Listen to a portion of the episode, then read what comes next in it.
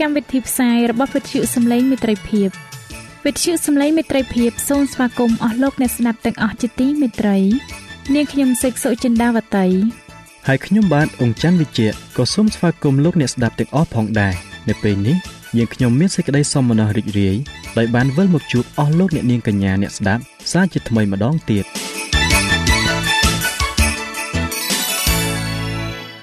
នាងខ្ញុំសេកសុចិន្តាវតី សូមជម្រាបជូនកម្មវិធីផ្សាយ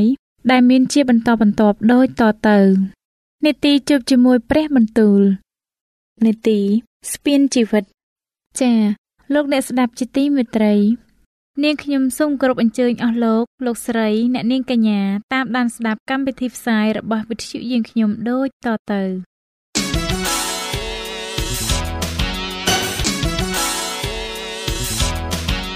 នេតិ ជួបជាមួយព្រះបន្ទូល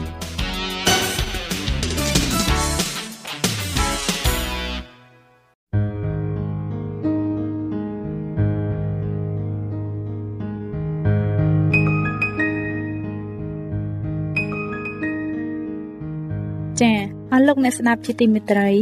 ជាដំបូងនាងខ្ញុំសូមអញ្ជើញលោកអ្នកនាងស្ដាប់នេតិជួបជាមួយព្រះបន្ទូលនេតិនេះនឹងលើកយកព្រះបន្ទូល ពីព្រះគម្ពីរទំនុកដង្កើងដែលនឹងជម្រាបជូនដល់លោកអង្គច័ន្ទវិជ្ជៈដូចតទៅ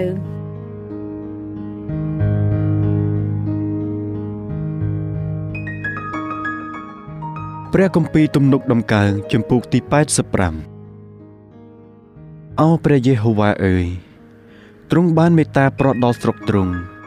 ហើយបាននាំពួកយ៉ាកុបដែលជាឆ្លើយមកវិញទ្រង់បានអត់ទោសចំពោះការទុច្ចរិតរបស់រាជទ្រង់ ក៏បានគ្របបាំងអស់ទាំងបាបរបស់គេហើយទ្រង់បានដកសេចក្តីក្រោធនៃទ្រង់ចេញអស់ហើយទ្រង់បានបែរចេញពីសេចក្តីខ្ញាល់ដ៏សាហាវរបស់ទ្រង់អោព្រះដ៏ជួយសង្គ្រោះយើងខ្ញុំអើយសូមបង្វិលយើងខ្ញុំមកវិញសូមទ្រង់លែងមានសេចក្តីខ្នន់ខ្នាញ់ចំពោះយើងខ្ញុំផងតើទ្រង់នឹកខ្ញាល់ចំពោះយើងខ្ញុំជាដរាបឬតើនឹងបន្លាយសេចក្តីខ្ញាល់ទ្រង់ដរាបដល់គ្រប់ទាំងដំណរតទៅឬអី តើទ្រង់មិនប្រោះឲ្យយើងខ្ញុំមានជីវិតឡើងវិញ ដើម្បីរាជរបស់ទ្រង់បានរីករាយក្នុងទ្រង់ទេឬអីអោព្រះយេហូវ៉ាអើយសូមសម្ដែងសេចក្តីសប្បុរសរបស់ទ្រង់ឲ្យយើងខ្ញុំឃើញ ហើយប្រោះសេចក្តីសង្គ្រោះនៃទ្រង់ដល់យើងខ្ញុំផងខ្ញុំនឹងស្ដាប់សេចក្តីដែលព្រះយេហូវ៉ាដ៏ជាព្រះទ្រង់មានបន្ទូលមក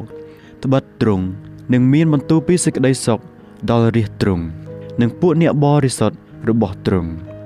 កុំឲ្យតែគេវិលត្រឡប់ទៅឯសេចក្តីចំគួតទៀតឡើយពិតប្រកបជាសេចក្តីសង្គ្រោះរបស់ទ្រង់នៅចិត្តនឹងអស់អ្នកដែលកោតខ្លាចដល់ទ្រង់ដើម្បីឲ្យមានសេចក្តីរុងរឿងនៅក្នុងស្រុករបស់យើងសេចក្តីសប្បុរសនិងសេចក្តីពិតត្រង់បានជួបគ្នាសេចក្តីសុចរិតនិងសេចក្តីមេត្រី បានថើបគ្នាសេចក្តីពិតត្រង់ពន្លកចេញពីដីមកហើយសេចក្តីសុចរិតក៏មើលពីលើស្ថានសួគ៌ដែរអើ ព្រះយេហូវ៉ាទ្រង់នឹងប្រោះប្រទានសេចក្តីដ៏ល្អហើយស្រុកយើងនឹងបង្កើតផលចម្រើនសេចក្តីសុចរិតនឹងដើរនៅចំពោះទ្រង់ហើយនឹងដាក់យើងនៅក្នុងផ្លូវតាមដានព្រះបាទទ្រង់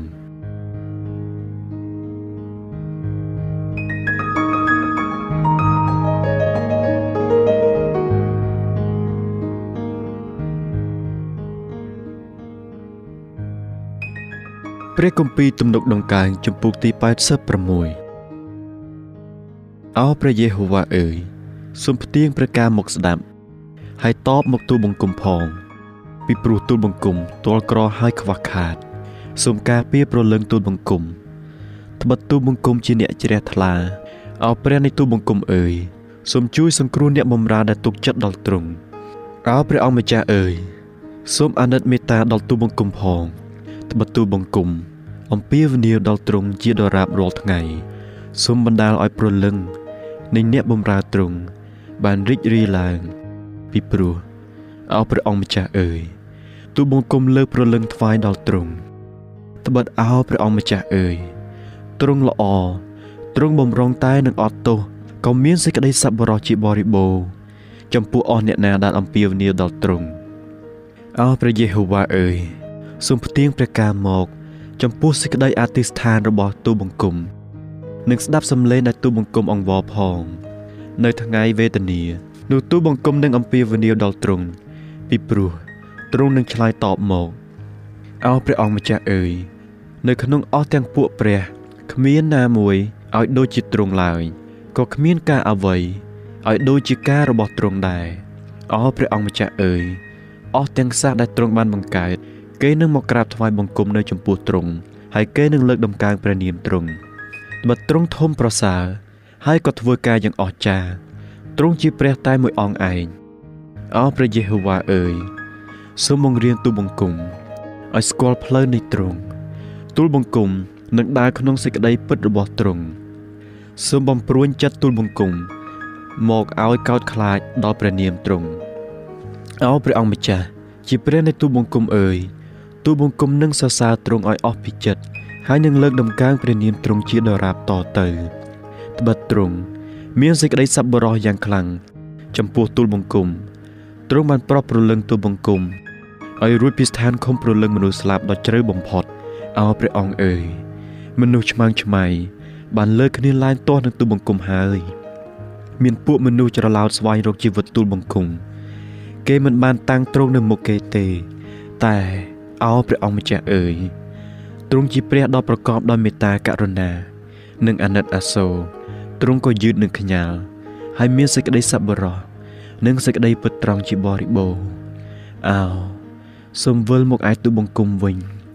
ហើយអាណិតមេត្តាដល់ទូបង្គំផងសូមប្រទានកម្លាំងរបស់ទ្រង់មកទូបង្គំជាអ្នកបម្រើទ្រង់ហើយជួយសង្គ្រោះកូនរបស់ស្ត្រី ជាអ្នកបម្រើទ្រង់ដែរ សូមសម្ដែងទីសម្គាល់មួយពីសេចក្តីល្អដែលនឹងប្រោះដល់ទូលបង្គំដើម្បីឲ្យពួកអ្នកដែលស្អប់ទូលបង្គំបានឃើញហើយមានសេចក្តីខ្មាស់វិញដោយព្រោះទ្រង់អោព្រះយេហូវ៉ាអើយទ្រង់បានជួយ ហើយកំសាន្តចិត្តនៃទូលបង្គំហើយ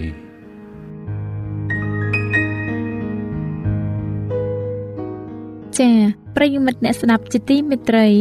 ដោយពេលវេលាមានកំណត់ យើងខ្ញុំសូមផ្អាកនេតិជប់ជាមួយព្រះបន្ទូលនេះត្រឹមតែប៉ុណ្ណេះសិនចុះដោយសន្យាថានឹងលើកយកនីតិនេះមកជម្រាបជូនជាបន្តទៀតនៅថ្ងៃច័ន្ទសប្តាហ៍ក្រោយ សូមអរគុណ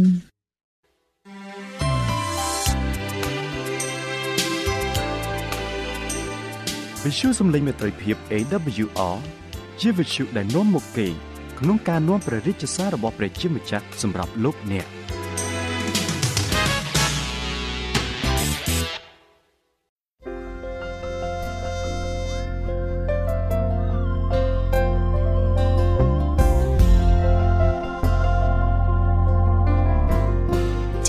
ជាបន្តទៅទៀតនាងខ្ញុំសូមគោរពអញ្ជើញអស់លោកអ្នកនាង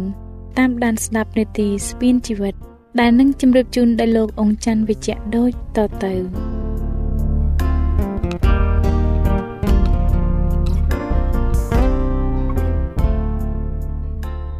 ខ្ញុំបាទសូមជម្រាបសួរអស់លោកអ្នកស្ដាប់ជាទីមេត្រី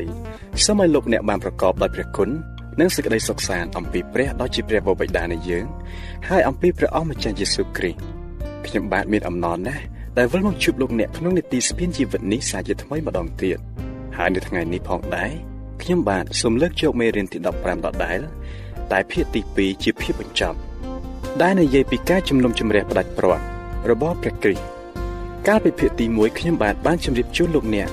ពីការជំនុំជម្រះផ្ដាច់ព្រាត់ខ្លះៗរបស់ព្រះយេស៊ូវគ្រីស្ទរួចមកហើយហើយនៅពេលនេះខ្ញុំបាទនឹងជម្រាបជូនលោកអ្នកជាបន្តទៅទៀតដូច្នេះ ខ្ញុំបាទសូមគោរពអញ្ជើញលោកអ្នកតាមដានស្ដាប់មេរៀនទី17ភាគទី2ដែលជាភាគបញ្ចប់នេះជាមួយខ្ញុំបាទដូចតទៅចំណុចទី3ការជំនុំជម្រះក្រោយ1000ឆ្នាំនៅស្ថានសួគ៌គឺជាពេលវេលាដែលលោកអ្នកបានទទួលការព្យាបាលពីព្រះព្រោះនៅលើលោកីយ៍នេះលោកអ្នកប្រហែលជាឆ្ងល់ថាក្រោយពីលោកអ្នកបានជឿព្រះយេស៊ូវហើយហេតុអ្វីក៏នៅតែជួបប្រទះភាពក្រីក្រ ការព្រាត់ប្រាសក្រុមជំនុំក្រុមគ្រួសារ និងការទុកព្រួយដូចនេះនោះព្រះនឹងប្រាប់លោកអ្នកដោយសុភាពអំពីហេតុដែលទ្រង់បណ្ដោយឲ្យហេតុការទាំងនោះកើតឡើងដល់លោកអ្នកលោកអ្នកនឹងពិនិត្យហេតុទាំងនេះទាំងនិយាយថាព្រះបានប្រទានស្ថានសួគ៌ដល់ខ្ញុំដោយឥតគិតថ្លៃគឺគ្មានជីវិតណាប្រសើរជាងនេះឡើយអស់លោកអ្នកស្ដាប់ជាទីមេត្រីតើហេតុអ្វីបានជាព្រះយេស៊ូវទុកឲ្យពេលនេះក្រមកដល់ម្លេះចម្លើយគឺថាព្រោះទ្រង់ស្រឡាញ់យើង និងចង់ឲ្យយើងទុកចិត្តលើទ្រង់រហូត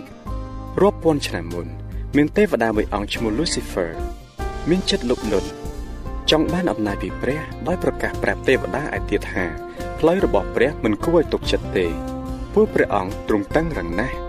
ហើយថាផ្លូវរបស់ខ្លួន ដែលយើងហៅថាអំពើបាបនោះទៅល្អ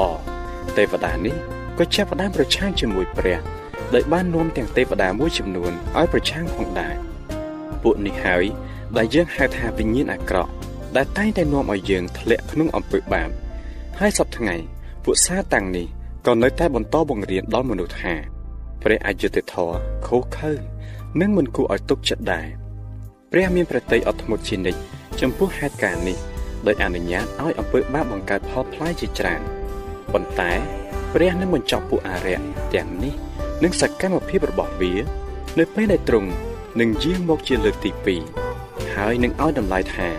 ទ្រង់យុត្តិធម៌ទៅលើជីវិតរបស់មនុស្សទាំងឡាយ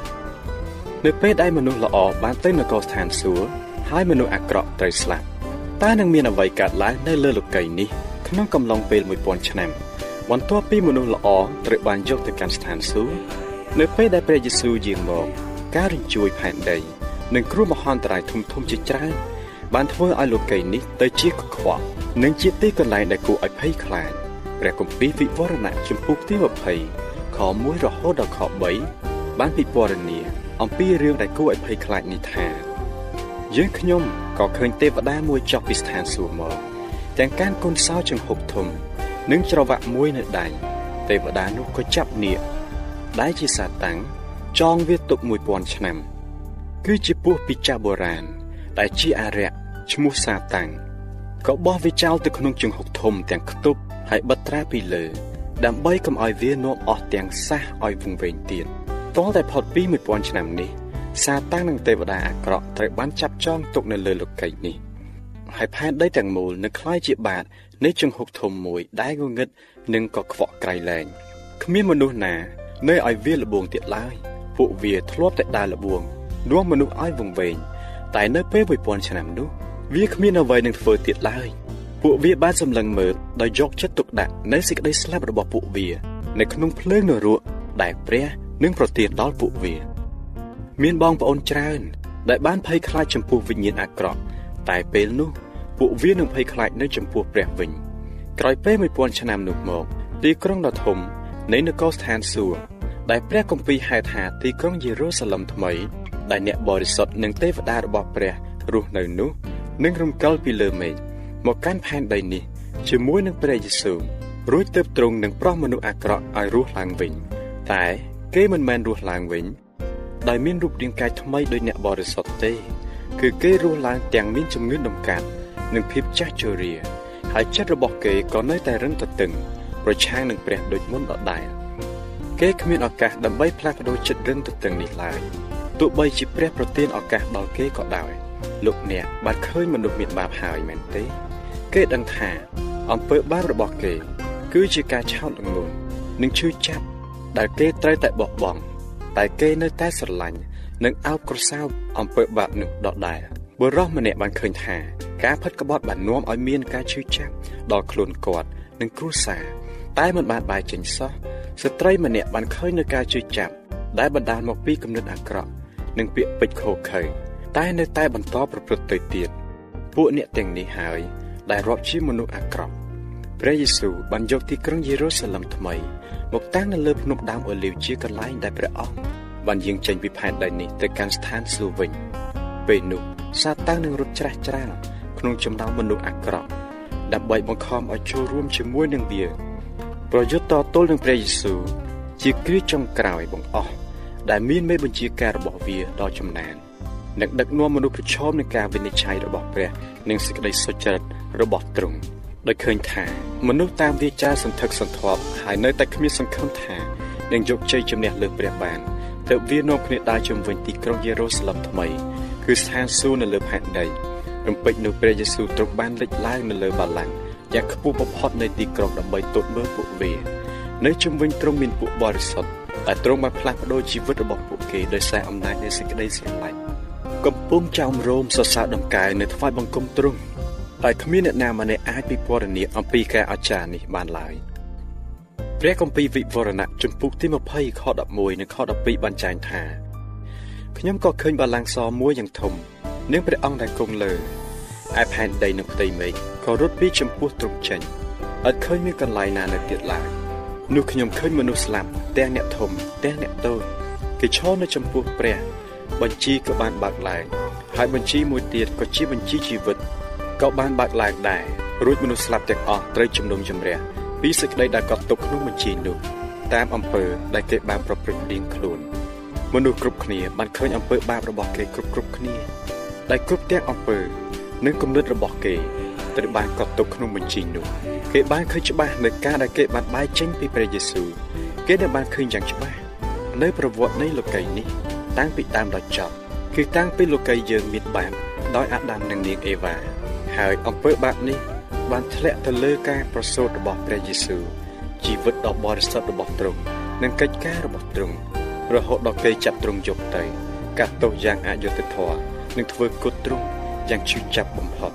យើងបានឃើញសេចក្តីស្រឡាញ់របស់ព្រះដោយសារសេរីល្អរបស់ទ្រង់នឹងនៅពេលដែលពួកបរិសុទ្ធស្រែកថាទ្រង់សុគតជំនួសខ្ញុំ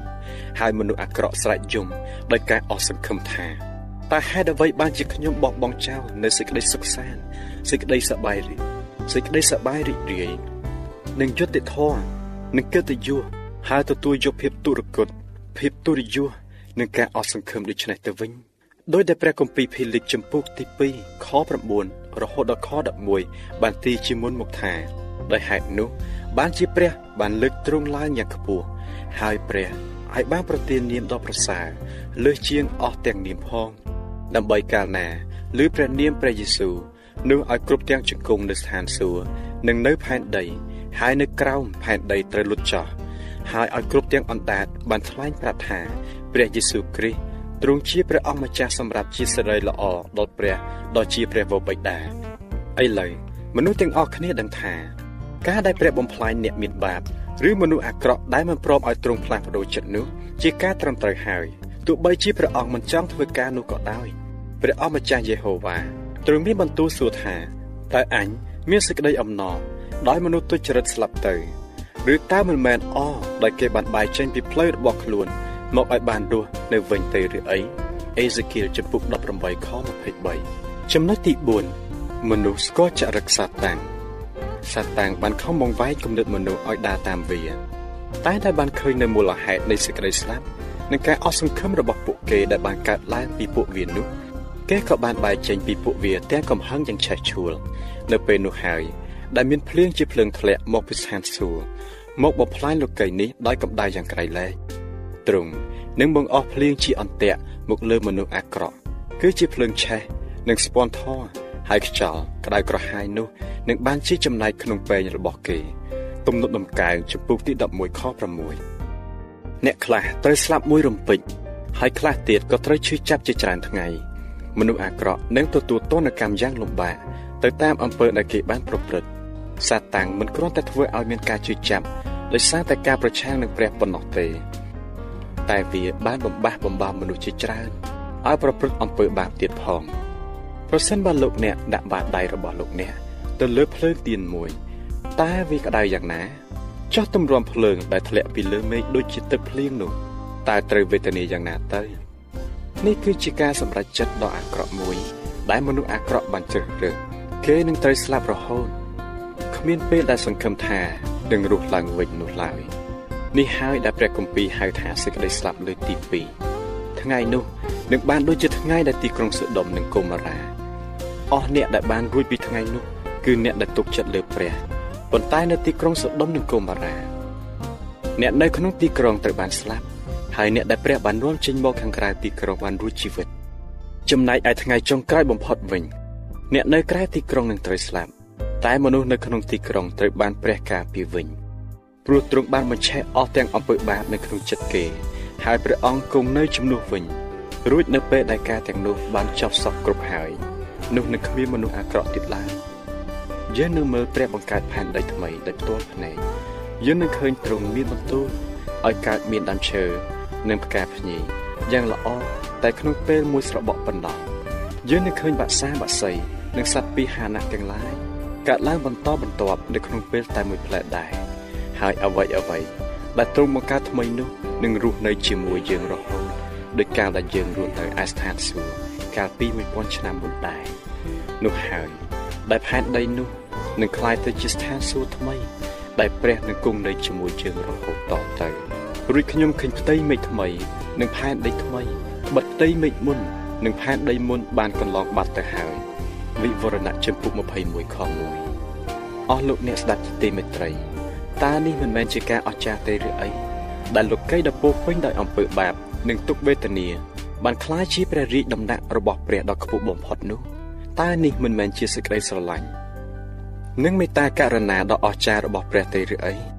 អំពើបាប នឹងមិនមានទៀតឡើយទីនោះល្អគ្រប់លក្ខនិងជាស្ថានបរមសុខរៀងរៀបដរាបទៅឥឡូវនេះមនុស្សល្អនិងអាក្រក់កំពុងរស់នៅលាយឡំគ្នា តែព្រះគម្ពីរបានប្រាប់យ៉ាងច្បាស់ថាដល់ចម្រោតគេនឹងច្រូតស្រងាយដុតបន្សោះក្នុងភ្លើងដែលពន្លត់មិនបានឯស្រូវគេ ប្រមូលដាក់ជង្រុកវិញ គឺមនុស្សសុចរិតត្រូវទៅរស់នៅឯស្ថានសួគ៌1000ឆ្នាំបន្ទាប់មក ព្រះនឹងនាំទីក្រុងពីស្ថានសួគ៌នោះ មកកាន់ផែនដី ហើយរស់នៅជាមួយគេរហូតតទៅគម្ពីរវិវរណៈចំពុក21ខ2បានចែងថាហើយយូហានខ្ញុំក៏ឃើញទីក្រុងបរិសុទ្ធគឺជាទីក្រុងយេរូសាឡឹមថ្មីចុះពីស្ថានសួគ៌មកអំពីព្រះតាក់តែងដូចជាប្រពន្ធថ្មោកថ្មី តែងខ្លួនទទួលប្តីរីឯអ្នកដែលមិនជឿទ្រង់នឹងត្រូវដុតបំផ្លាញដូចគេដុតស្រងាយចោលដូច្នោះដែរអស់លោកអ្នកស្ដាប់ជាទីមេត្រីតើលោកអ្នកជ្រើសរើសយកមួយណា លោកអ្នកពិតជាមិនចង់ស្លាប់នៅក្នុងភ្លើងឡើយដោយឡែកតើលោកអ្នកនឹងសប្បាយយ៉ាងណានៅពេលបានរស់នៅជាមួយព្រះយេស៊ូវនិងបងប្អូនគ្រីស្ទានដទៃទៀតនៅស្ថានសួគ៌រហូតយ៉ាងដូច្នោះចុះបើសិនជាលោកអ្នកត្រូវបំផ្លាញតើគួរឲ្យក្រៀមក្រំយ៉ាងណាទៅវិញបើដឹងថាអំពើបាបនឹងនាំឲ្យលោកអ្នកត្រូវវិនិច្ឆ័យហើយលោកអ្នកមិនគួរនៅអោបក្រសោបវាដល់ណាទៀតទេប៉ុន្តែវាមិនចេញពីលោកអ្នកទេប្រសិនបើគ្មានព្រះយេស៊ូវគង់នៅជាមួយលោកអ្នក ដូច្នេះសូមលោកអ្នកយាងព្រះយេស៊ូវគង់ជាប់ជាមួយលោកអ្នកហើយសូមឲ្យលោកអ្នកធ្វើតាមគ្រប់ទាំងព្រះハរតីរបស់ទ្រង់ចោះចោះចំណែកលោកអ្នកដែលពុំទាន់បានទទួលទ្រង់តើគួររងចាំតទៅទៀតឬគួរទទួលទ្រង់ភ្លាមឥឡូវនេះយល់ល្អលោកអ្នកគួរទទួលទ្រង់ទាំងស្រុងដោយថ្វាយគ្រប់អវ័យអវ័យទាំងអស់ដល់ទ្រង់ព្រោះទ្រង់នឹងយាងមកឆាប់ឆាប់នេះហើយដោយមានទាំងអំណាចនិងសេរីល្អដ៏មហិមាផងសូមលោកអ្នករំពឹងគិត ដល់គ្រាដែលទ្រង់លើកលោកអ្នកឡើង ទៅលើពពកជាមួយទ្រង់តើលោកអ្នកនឹងសប្បាយយ៉ាងណាសូមលោកអ្នកទុកចិត្តយ៉ាងមាំថាព្រះយេស៊ូវពិតជាអាចយកលោកអ្នកទៅនៅស្ថានសួគ៌បាន ហើយក្រៅពីទ្រង់គ្មានអ្នកណាទៀតឡើយការជំនុំជម្រះផ្ដាច់ព្រាត់ជាពេលវេលាដ៏ល្អសម្រាប់លោកអ្នកបើលោកអ្នកទទួលជឿព្រះយេស៊ូវបាទអស់លោកអ្នកស្ដេចជាទីមេត្រីមុននឹងបញ្ចប់មេរៀននេះខ្ញុំបាទសូមជូននូវសំណួរខ្លះសម្រាប់លោកអ្នក ធ្វើជាការពិចារណា សំណួរទី1តើពួកបរិសុទ្ធនឹងធ្វើអ្វីជាមួយព្រះយេស៊ូវនៅស្ថានសួគ៌តើគេនឹងធ្វើកិច្ចការទាំងនោះរយៈពេលប៉ុន្មានឆ្នាំសំណួរទី2ក្រោយ1000ឆ្នាំកន្លងផុតទៅតើព្រះទ្រង់នឹងយកអ្វីមកកាន់ផែនដីវិញសំណួរទី3តើព្រះមានព្រះハរតីយ៉ាងណា នៅពេលដែលមនុស្សមួយចំនួនមិនព្រមប្រែចិត្តហើយគេសុកចិត្តស្លាប់នោះបាទអស់លោកអ្នកស្ដាប់ជាទីមេត្រី ពេលវេលានៃនីតិស្ពានជីវិតរបស់យើង បានមកដល់ទីបញ្ចប់ហើយមេរៀនស្ពានជីវិតចំពោះទី17ដែលនិយាយពីការជំនុំជម្រះចុងក្រោយរបស់ព្រះ នៅពេលនេះក៏សន្មតថាចប់ដោយបរិបូរណ៍ហើយដែរហើយខ្ញុំបាទនឹងវិលមកជួបលោកអ្នកផ្សាយជាថ្មីម្ដងទៀតនៅក្នុងនេតិរបស់យើងលើកក្រោយដោយនឹងនាំនៅចំពោះទី18មកជួបលោកអ្នកសន្តាប់ជាបន្តទៀតបាទដូច្នេះសូមឲ្យព្រះជាម្ចាស់ប្រទានពរដល់អស់លោកអ្នកបងប្អូនទាំងអស់គ្នា សម្រាប់ពេលនេះខ្ញុំបាទអង្គច័ន្ទវិជ្ជៈសូមអរគុណនិងសូមជម្រាបលាចា៎អស់លោកអ្នកស្ដាប់ជាទីមេត្រីដោយសារពេលវេលាមានកំណត់យើងខ្ញុំសូមផ្អាកនីតិស្ពានជីវិតនេះត្រឹមតែប៉ុណ្្នឹងសិនចុះយើងខ្ញុំនឹងលើកយកនីតិនេះមកជម្រាបជូនអស់លោកអ្នកជាបន្តទៅទៀតនៅថ្ងៃពុធសប្តាហ៍ក្រោយចាសសូមអរគុណ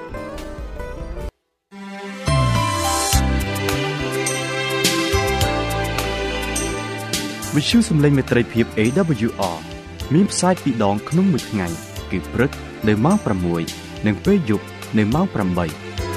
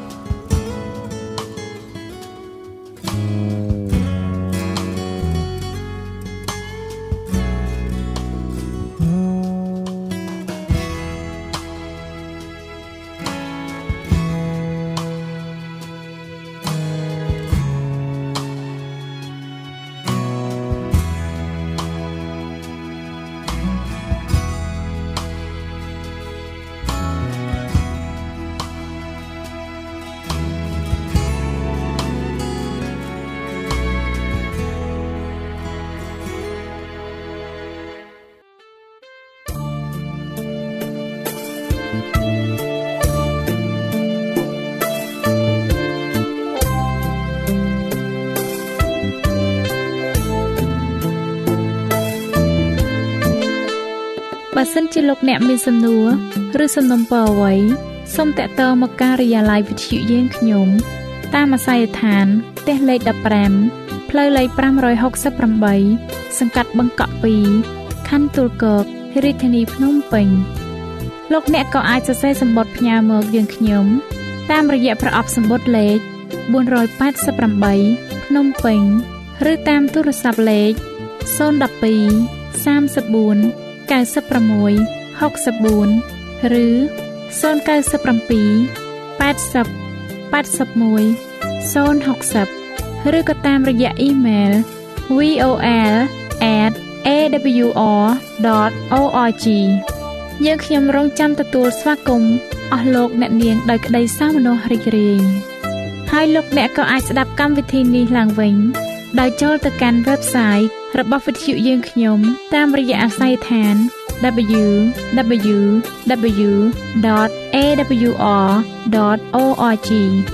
លោកអ្នកនាងកញ្ញាជាទីមេត្រី កម្មវិធីផ្សាយរបស់វិទ្យុសំឡេងមេត្រីភាពនៅពេលនេះសូមបញ្ចប់តែប៉ុណ្ណេះយើងខ្ញុំសូមអរគុណចំពោះការតាមដានស្ដាប់របស់អស់លោកអ្នកតាំងពីដើមរហូតដល់ចប់យើងខ្ញុំសូមជូនពរឲ្យអស់លោកអ្នកនាងកញ្ញាទាំងអស់ បានចម្រើនឡើងក្នុងព្រះគុណព្រះអង្គម្ចាស់ហើយក្នុងការទទួលយកព្រះយេស៊ូវគ្រីស្ទជាព្រះអង្គម្ចាស់និងជាព្រះអង្គសង្គ្រោះនៃយើងរាល់គ្នានាទីផ្សាយរបស់វិទ្យុយើងខ្ញុំនឹងវិលមកជួបអស់លោកអ្នកសាជាថ្មីម្ដងទៀតនៅថ្ងៃស្អែកវេលាម៉ោងដដែលនាងខ្ញុំសេកសុចិន្តាវតីនិងខ្ញុំបាទអ៊ំច័ន្ទវិជ្ជៈសូមអរគុណសូមជម្រាបលា